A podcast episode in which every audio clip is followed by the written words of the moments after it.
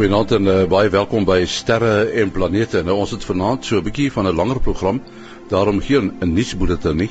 Ons gaan gesels met Michael Neil van die Suid-Afrikaanse Ruimtehulpbron Vereniging en dan ook met Dr Pieter Kotse van die Suid-Afrikaanse Nasionale Ruimteagentskap op Hermanus en ouer gewoonte met uh, Willie Koorts van die SAAO en professor Mati Hofman van die Universiteit van die Vrystaat en die Boyden Sterrewag.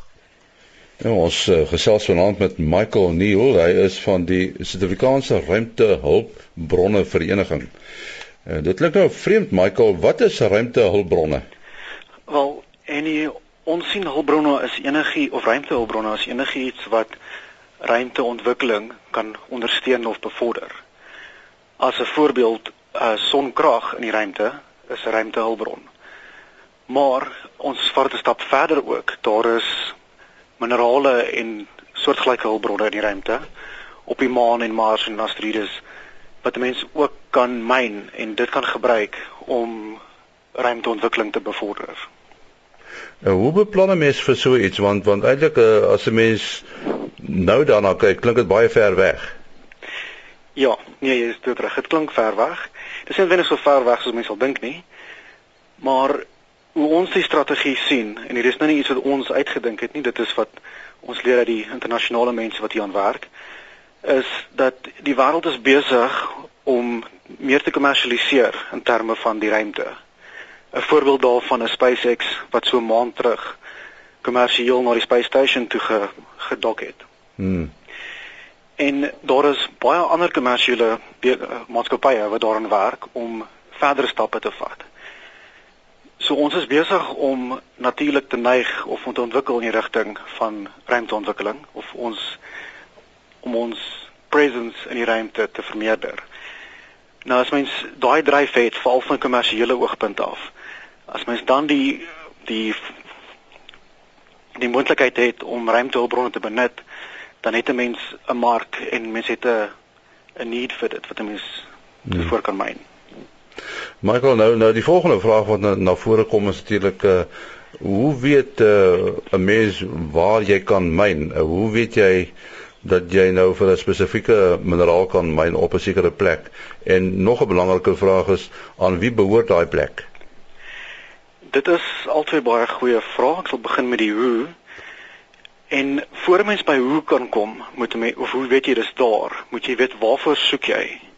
En dit is vir ons 'n bietjie van 'n paradigma skuif moontlik gaan maak. Want op die aarde myn ons meestal vir metale en goud en platinum, steenkool en so voort. Maar in die ruimte is water self 'n skaarste, want mens kan dit gebruik vir brandstof as 'n voorbeeld. So mens soek water om te gebruik as 'n hulpbron. As mens dit weet, dan kan jy nou vra hoe weet 'n mens waar dit is? Nou hulle het onlangs byvoorbeeld met die L-Cross uh, lunar missions het hulle gesien dat daar water op die maan is. Hulle het ook gewys daar's water op Mars en dis water en ander volatiles. Hulle het ook bewyse dat asteroïdes volatiles bevat. So dis maar so selfs op die aarde, hoe weet jy dis daar mens moet weet waarvoor jy soek en dan prospekteer jy vir dit. Die vraag van aan wie dit behoort is iets wat nogal gedebatteer word. En ons verskillende treaties in plek om hierdie goedes te probeer behandel. Maar tot op dusver van wat ek kan sien wat aangaan is daar nie vaste wetgewing of reëlings oor aan wie dit behoort nie. Wat ek maar gesien het is dit lyk of die mense besluit as jy moeite in iets ingesit het, dan het jy reg tot die waarde van dit. So wie ook al die moeite doen om te prospekteer en wie ook al die moeite doen om dit dan fisies te myn, sal reg hê om dit te verkoop maar ons huidige wetgewing of internasionale wetgewing is nie eintlik in staat om dit behoorlik te hanteer nie. So ons verwag dat sodra hierdie goeders begin ontvou, sal ons moet na die wetlike aspek kyk en dit verder ontwikkel. Ons praat nou van die Suid-Afrikaanse Ruimtehulpbronvereniging. Ek weet Suid-Afrika is 'n sterk mynbouland. Ons is ja. Uh watter rol kan Suid-Afrika speel? Wel, Suid-Afrika is ook 'n sterk astronomieland. En ek het gevind nie baie mense weet dit nie. Maar ons het byvoorbeeld uh, ook 'n ruimtevereniging, die South African National Space Agency, sien seker presies ja. Afrikaans is nie. Hulle was laas jaar iewers gestig en Suid-Afrika is ernstig besig om betrokke te raak in die ruimte. 'n Voorbeeld van dit is ook die Square Kilometer Array wat ons onlangs, ek dink 70% van dit gaan in Suid-Afrika gebou word of so iets, nie seker oor die getal nie. Maar dit is in die astronomie wêreld 'n baie groot prestasie. Suid-Afrika was al ook vir, vir hele tyd 'n sterk astronomie land. En ons het gevoel met ons sterk mynbou agtergrond en ons belangstelling in die ruimte en astronomie kan 'n mens dit twee kombineer en basies 'n ruimte myn belangstelling kweek. En en watter werk word op die oomblik gedoen hier in Suid-Afrika wat hierdie uh, ruimtehulpbronne betref? Daar op die oomblik word niks in die werk wat op die oomblik gedoen word word voorbetaal nie. Ons vereniging is 'n uh, voluntary association en is alles meeste van die goed word maar na ure gedoen. Maar ons probeer byvoorbeeld eerstens net bewussyn skep onder die res van die mense in Suid-Afrika So baie van wat ons doen gaan oor publikasies tegnies en nie tegnies. Die die tegniese publikasies is voorbeelde van werk wat ons probeer tegnies bydra tot die konsepte van ruimtebronne hulpbronne. En 'n groot ding van wat ons doen of en wat ons probeer doen is ons het besef dat mens kan nie in 'n langtermyndoel werk en hoop om oor 10 jaar of 20 jaar eers die die voordele daarvan te kry nie. So ons probeer seker maak dat ons nou dadelik voordele van dit kry. En 'n goeie voorbeeld van dit is opvoeding. Ons werk aan projekte om vir uitreike na skole of om aande te hou wat tegniese inligting gee en mense kan belang te stel om hulle self um, opvoedkundig te ontwikkel.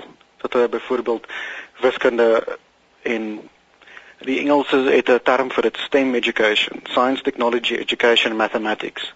En ons probeer basies die Afrikaners kry om meer belang te stel in dit om ons te om ons om dit moontlik te maak dat hulle kan bydra tot ruimtehulpbronne en ruimte in die algemeen. Ja, soos jy hoor, ons het uh, nog lank nie uitgepraat geraak oor hierdie ruimtehulpbronne nie. Ons sê baie dankie aan Michael Neil van die Suid-Afrikaanse Ruimtehulpbron Vereniging. Dr Pieter Kotse is van die Suid-Afrikaanse Nasionale Ruimteagentskap op Hermanus en ons praat met hom oor uh, oor die son en hierdie hierdie keer oor uh, ozon. Uh, ozon en uh, as daar aktiwiteit op die son is, is daar interaksie nogal Pieter?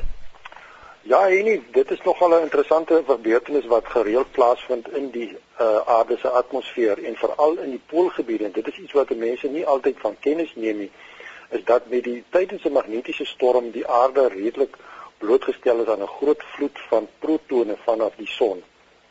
Nou hierdie protone veral in die poolgebiede kan redelik diep binne in die atmosfeer indring tesame met ultravioletstrale wat natuurlik nou uh geabsorbeer word deur ons ozonlaag. Ozon bestaan uit 3 suurstofmolekules O3. Maar tydens 'n magnetiese storm wanneer protone nou 'n interaksie is met die uh, atmosferiese molekules soos veral stikstofoksied en ander uh, oksied uh, molekules kan hierdie protone nou hierdie molekules opbreek en dan wanneer ozon opbreek vorm dit dan uh wat ons noem suurheen dis of stuur uh verbindings met hierdie opgebreekte suurstof en dit lei daartoe dat die ozonlaag eintlik tydens 'n magnetiese storm redelik verdun raak soveel so dat nou nie baie klink nie maar dis tot 'n maksimum van 1% variasies is al waargeneem in die uh, poolgebiede tydens 'n magnetiese storm. So wat werklik nou gebeur is en wat dit dan waarneem op die grond is hierdie neersak van suurheen wat 'n bewys is van 'n vernietiging van ozonlaag tydens 'n magnetiese storm. Nou die vraag wat nou al vir ons ontwyk is en wat gebeur nou eintlik werklik tydens 'n magnetiese storm in die Suid-Atlantiese gebied? Hierdie is 'n gebied waar die aarde se magnetveld ongeveer 30% swakker is as in ander uh, soortgelyke breedtegrade rondom die aarde en maar ons het nog geen wetenskaplike inligting op hierdie stadium om vir ons aan te dui wat gebeur met ozon in die Suid-Atlantiese anomaliegebied en dit is nog 'n tergende vraag wat skreeu om beantwoord te word. So om dus op te som tydens 'n magnetiese storm ja, ons ozonlaag word wel beïnvloed en word wel vernietig. So nie heeltemal totaal nie, maar dit het 'n beduidende invloed wat nou werklik nie 'n invloed sal hê op mense self nie, maar op die langtermyn kan dit wel 'n impak hê as ons gereeld blootgestel word aan magnetiese storms en dit wil sê 'n geomagnetiese veranderings en 'n son aktiwiteite. Ja, baie dankie dokter Pieter Kotse van die Suid-Afrikaanse Nasionale Ruimteagentskap. Ons is selfs uh, soos gewoonlik vanaand uh, met uh, Willie Koorts van die Suid-Afrikaanse Astronomiese Observatorium. En net nou praat ons met professor Mati Hofman van die Universiteit van die Vrystaat en die Boyden Sterrewag. Nou Willie, ons het nou geluister na Michael Neil van die Suid-Afrikaanse Ruimtehulpbron Vereniging. Ek het nie in my wildste drome gedink dat daar so iets bestaan in die wêreld nie, wat nog in Suid-Afrika. Jy weet dit is so ver verwyder dat as mense nou dink aan mynbou in die ruimte, dat 'n mens wonder of so iets bestaansreg het, maar lyk met die ouens is ernstig.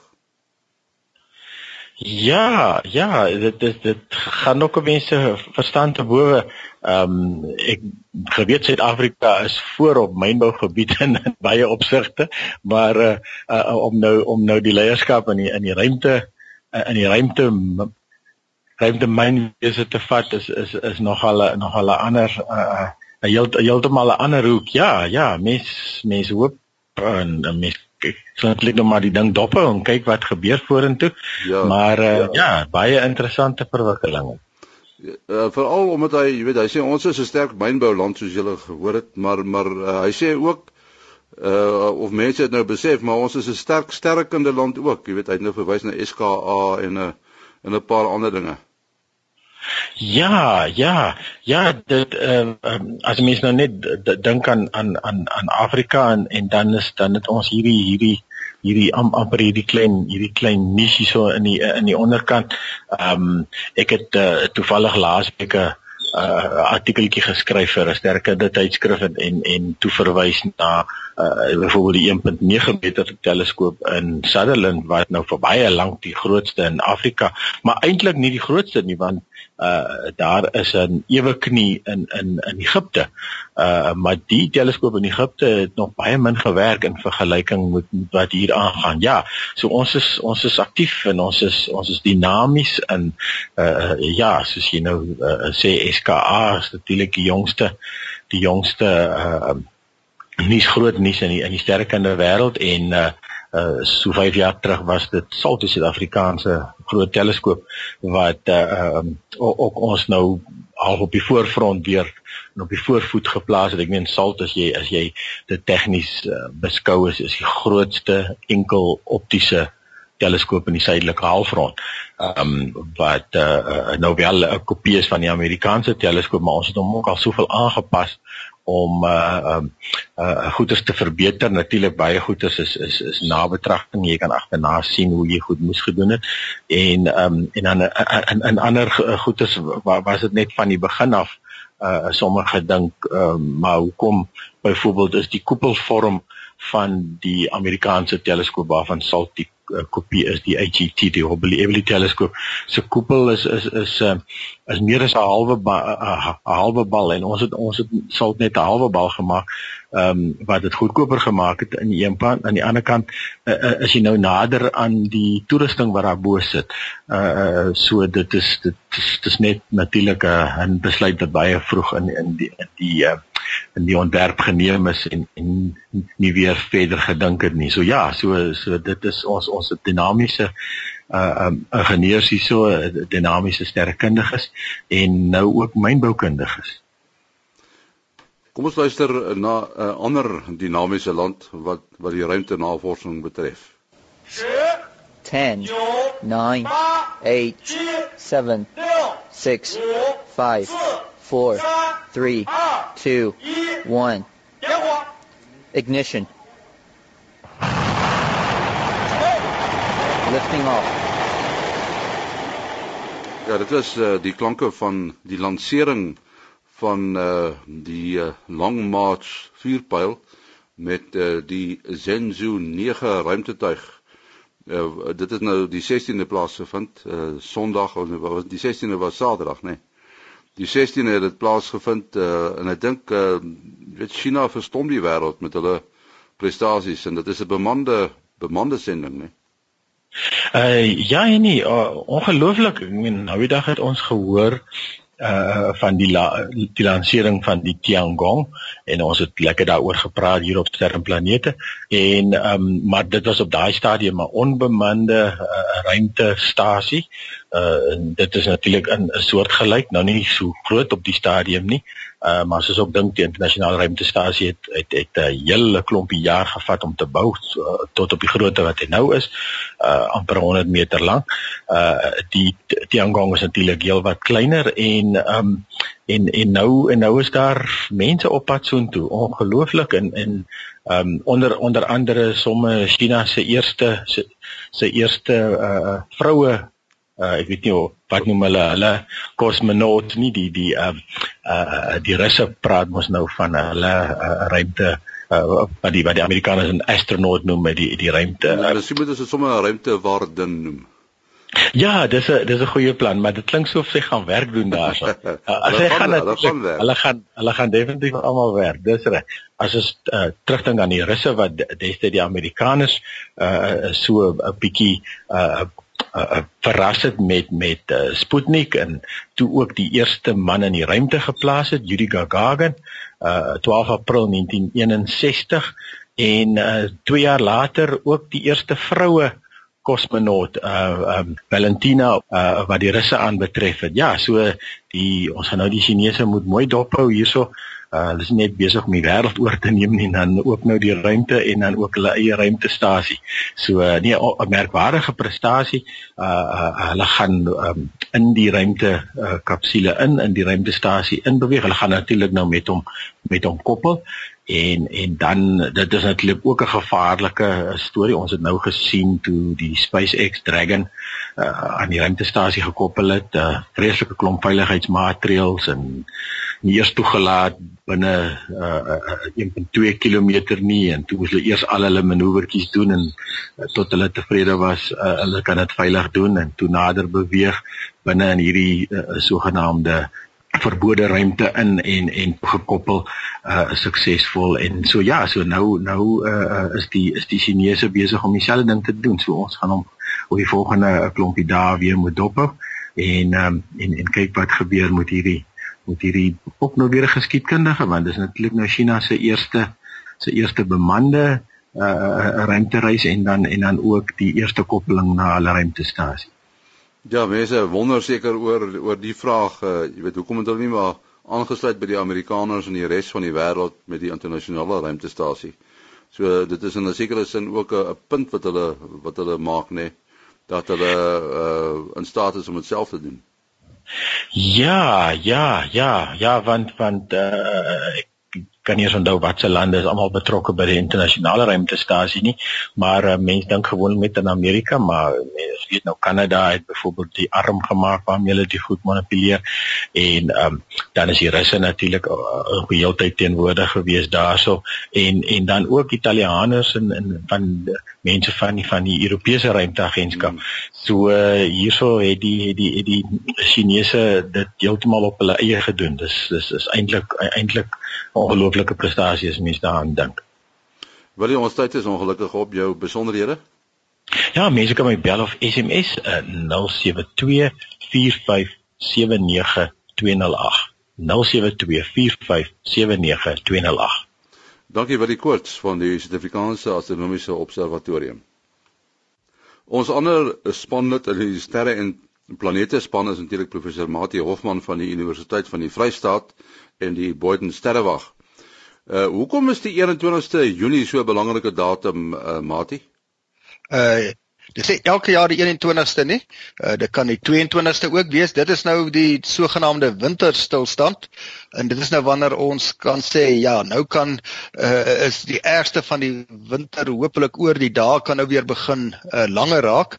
Nou ongelukkig vat dit 'n hele ruk langer voor die dae weer begin warmer raak. So die die die kortste dag van die jaar val ongelukkig nie saam met die uh koudste temperatuur temperature van die jaar nie. Die koudste temperature kom later en dit is omdat die die die oseaan is so groot reservoir van warmte wat dit nog opgegaar het in die somer wat dit nou nog vir 'n tyd lank van uh aan die atmosfeer kan verskaf en dan eers as uh, die oseaan weer begin uh verby sy koudste is, uh, dan kan dit nou weer begin warmer raak. Maar in elk geval ons uh, uh, die tyd loop so vinnig uh, dat uh, ons dit, help mense 'n bietjie as jy nou die gebeure in die sterrehemel dop hou dop hou 'n bietjie trek te hou um, en jou jou eie kalender en die kalender van die seisoene daarin so 'n bietjie te probeer uh, sinkroniseer.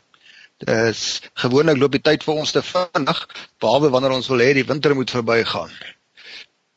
Uh as jy mens kyk na die die die sterregroepe wat beskikbaar is of wat wat, wat sigbaar is, ons het nog steeds die tipiese winterkonstellasie net die Skorpioen en uh die Suiderkruis. Dis mos die Orion konstellasie wat daarop dui dat die die somer nou op pad is. Ja, Orion kan ons nou nie sien nie. Hy sit uh agter die son. Uh so dis eintlik maar 'n klein deeltjie van die sterrehemel wat mens op 'n sekere stadium glad nie kan sien nie omdat dit te naby uh, aan die son is. Die die vraag is net of mens bereid is om vroegoggend op te staan.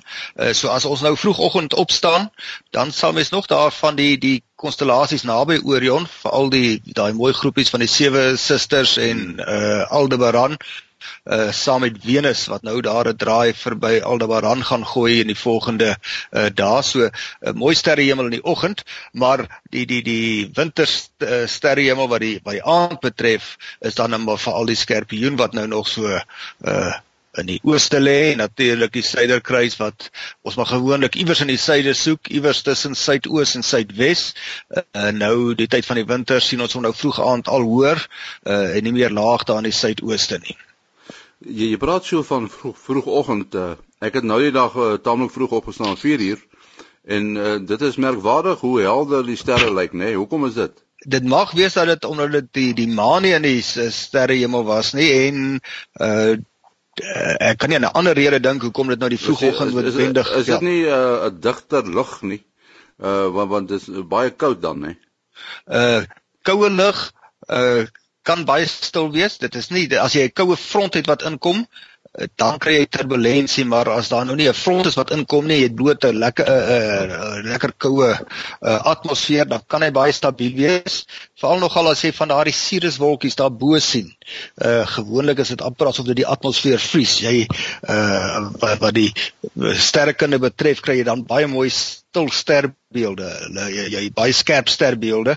Ongelukkig is dit nou nie fotometriese toestande nie. Dit is nou wanneer jy die sterre se helderheid wil meet want die natuurlik die dun wolkies wat voor dit verby beweeg benadeel die uh, ligmetings, maar dit kan vir jou baie mooi stil toestande gee. Maar 'n mens sal uh, uh, kan maar sommer kyk as jy voel 'n front kom in, dan kan jy ook die sterre uh tipies baie sien vonkel wat aandui op uh onstabiliteit in die atmosfeer. Maar die, bela die belangrikste kenmerke van uh om 'n mooi sterrehemel te sien is, is skoon lig en natuurlik uh, donkerte. Ehm um, as 'n mens nou 'n uh, stelsel gehad het wat deurgekom het met wind wat die atmosfeer bietjie skoon maak in die tyd wat die mense uh wintervure maak en so weer dan sien jy baie keer hierdie besondere helder uh helder aande. En uh dit kan ook wees dat jou uh die lug baie droog is dat daar nie soveel vog in die lug is nie. Uh en baie van ons omgewings het mos nou maar 'n uh, droë winter en dit help om 'n uh, vir jou 'n droë uh atmosfeer te gee. Uh die Engelse naam daarvoor is sogenaamde noctilucent wolke.